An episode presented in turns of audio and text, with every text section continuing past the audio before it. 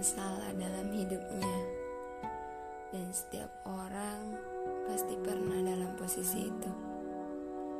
Ya, enggak sih?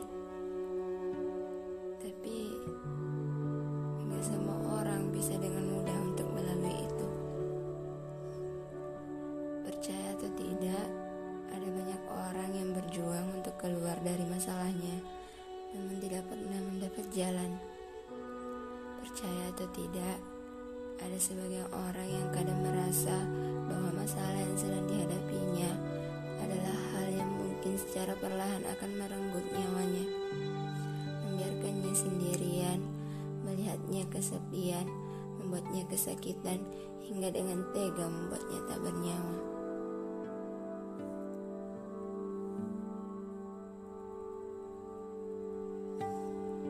Itulah masalah. Ada meski tak diinginkan, berkembang meski didiamkan, dan membludak jika dibiarkan.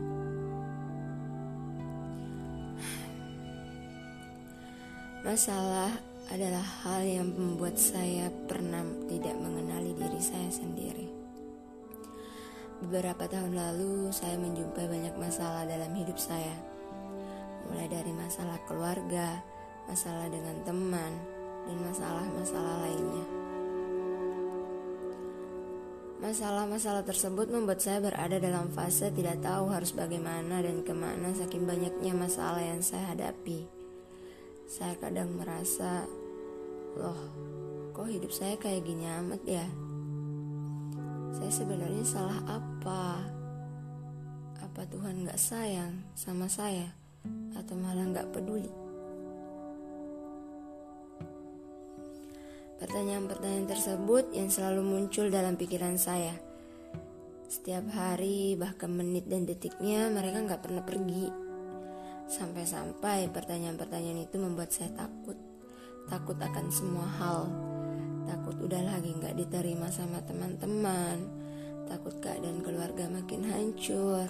Dan takut dengan kemungkinan-kemungkinan lainnya. That's so scary for me. Hari demi hari saya lewati dengan beban pikiran yang begitu berat menurut saya. Membuat saya tidak nyaman bertemu dengan orang lain. Membuat saya tidak ingin diganggu orang lain. Hingga akhirnya saya memutuskan untuk tidak lagi bertemu dengan mereka. Menutup diri dan berteman dengan pikiran dan ketakutan saya setiap harinya.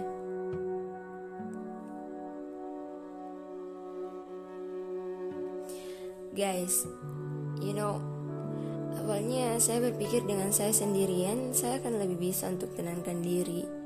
Dengan hanya berada dalam kegelapan akan membuat saya berusaha untuk menemukan cahaya saya yang sudah lama hilang. Tapi ternyata tidak. Yang saya dapatkan malah rasa takut yang berlebihan. Bahkan sempat berpikiran untuk menyakiti diri sendiri.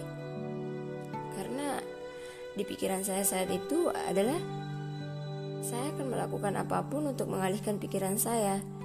Dan hal yang paling tepat menurut saya adalah dengan menyakiti diri sendiri. Saya lebih ingin merasakan sakit yang saya tahu sumbernya dari mana, daripada saya harus merasakan sakit dan takut yang entah dari mana, namun dia ada.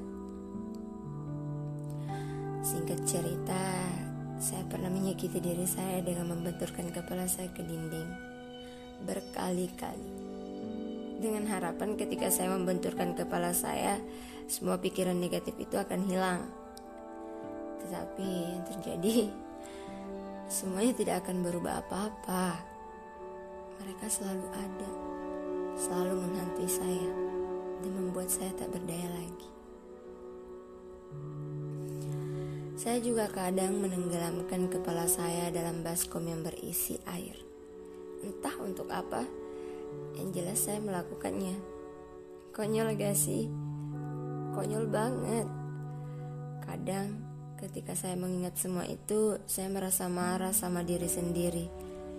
Bisa-bisanya saya kalah dengan pikiran-pikiran negatif saya. Bisa-bisanya saya melakukan hal yang bahkan gak harus saya lakuin harusnya. Akan tetapi, lagi-lagi, hal itu adalah masa lalu. Masa lalu yang harusnya dikenang dan dijadikan pelajaran, bukan dilupakan. Sebab masa lalu ya seperti itu, ia akan terus ada sepanjang hidup, seperti lintah yang menghisap darah. Dan gimana saya terbebas dari fase itu? Bagaimana saya bisa berjuang untuk menghilangkan pikiran-pikiran negatif itu? Bagaimana saya bisa kembali menjadi diri saya sendiri? Jawabannya hanya satu, yaitu hadapi, bukan hindari. Sekalipun dalam pikiran kita tetap akan merasa kalah saking besarnya masalah kita. Saat saya berada dalam fase terpuruk dan sendirian, saya merasa ada yang salah dalam diri saya saya teringat apa yang pernah ibu katakan sebelum meninggalkan saya, bahwa ketakutan itu jangan dibiarkan, harus dilawan, jangan mau kalah sama rasa takut. Sejenak saya berpikir, ya juga ya, saya kok rasanya diperbudak sama ketakutan saya sendiri. Bukannya rasa takut muncul dalam diri, lalu kenapa saya harus kalah dari hal itu? Yang punya diri saya ya saya Berarti yang akan menentukan baik buruknya diri saya ya saya sendiri Gak mungkin orang lain ataupun hal lain Seketika saya merasa ada seberkas cahaya yang menerangi gelap yang selama ini menemani saya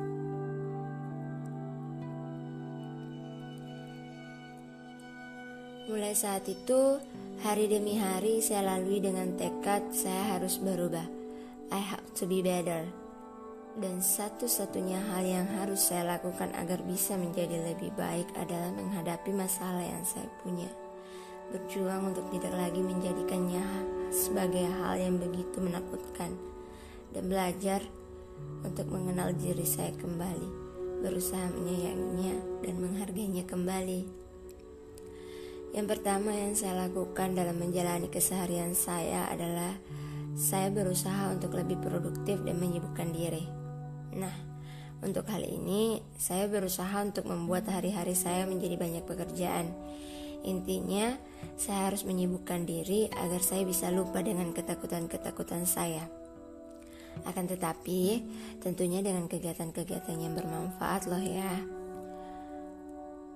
Misalnya, saya belajar masak.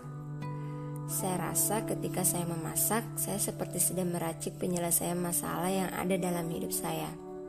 Contohnya saja, saat saya memasak sebuah makanan, pasti akan ditambahkan banyak bumbu, ada garam untuk perasa asinnya, ditambahkan gula untuk perasa manisnya, dan sedikit penyedap rasa untuk gurihnya.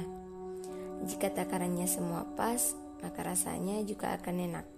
Sama seperti masalah, jika kita menghadapinya dengan tenang, menempatkan diri dengan posisi yang tepat dan mengambil keputusan yang tepat pula, maka akan selesai dengan mudah. Dan yang paling penting, sibukmu itu menyenangkan sesuai keinginan, bukan paksaan. Yang kedua adalah membaca buku. Buku apa pun itu yang penting saya suka. Saya biasanya membaca novel. Novel apa pun itu Kadang saat saya membaca buku, saya merasa imajinasi saya sedang menjelajah ke kisah yang ada dalam novel yang sedang saya baca. Dan itu membuat saya lupa dengan pikiran-pikiran negatif dan ketakutan-ketakutan saya. Percaya deh, ini sangat membantu saya untuk berada dalam fase itu. Banyak orang, bahkan ilmu pengetahuan sendiri, mengatakan bahwa Memendam sendirian masalah sangatlah berat. Maka dari itu bagilah atau ceritakanlah masalahmu kepada seseorang. Dan harus saya akui, hal ini juga menjadi salah satu usaha saya menghadapi masalah depresi yang saya rasakan. Saya berusaha menceritakan masalah serta ketakutan yang ada di pikiran saya. Tapi harus dicatat ya, menceritakan masalahnya harus kepada orang-orang terpercaya yang benar-benar kalian percaya bisa menjadi pendengar yang baik dan mengerti dengan masalah yang sedang kamu ceritakan. Misalnya kepada orang tua, sahabat, atau orang-orang yang kalian percaya deh pokoknya. Kalau berbicara perasaan saat setelah menceritakan beban masalah kepada orang lain, saya merasa lega. Meski tidak semua, setidaknya bebannya berkurang. Ibarat saya sedang memikul dua beban di pundak. Saat saya berjalan, ada orang yang menawarkan bantuan. Gimana perasaan kalian jika pertolongan tiba saat kalian membutuhkan? Senang banget kan? Merasa lega kan? kurang lebih seperti itu deh analoginya. And the last, how I deal with my depressive episode is remembering that I'm not alone. This will pass and better days will come. Inilah mantra terampuh menurut saya untuk mengatasi masalah ini. Meski sampai sekarang, bahkan selamanya hidup akan terus dipenuhi masalah Setidaknya kita sudah tahu gimana caranya berjuang untuk menghadapinya dan tidak lagi memilih untuk menghindarinya.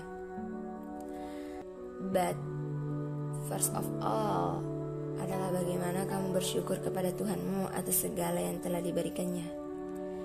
Saya sendiri sadar betul bahwa selama ini saya kurang bersyukur dan bahkan tidak bersyukur.